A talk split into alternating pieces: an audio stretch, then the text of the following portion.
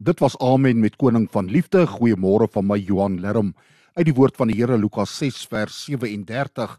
Hou op om ander te oordeel en jy sal nie geoordeel word nie. Hou op om ander te kritiseer en jy sal nie gekritiseer word nie. As jy ander vergewe, sal jy ook vergewe word. Ons is tog so geneig om te oordeel, te kritiseer en kwaad te bly om die seer wat iemand veroorsaak het te vertroetel en onsself daaroor te bejammer. Ons hou selfs daarvan om kwaad te bly om 'n punt te bewys.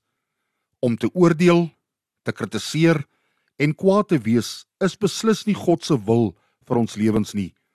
Waar sou ek en jy gewees het as God ons nie vergewe het nie? Kom ons volg sy voorbeeld deur onvoorwaardelik te vergewe, die uniekheid van ander te aanvaar en te respekteer en aan te beweeg onvoorwaardelike vergifnis bevry ons van die bande van die verlede. Vader, dankie dat U ons vergewe en vrygespreek het. Help ons om dieselfde te doen.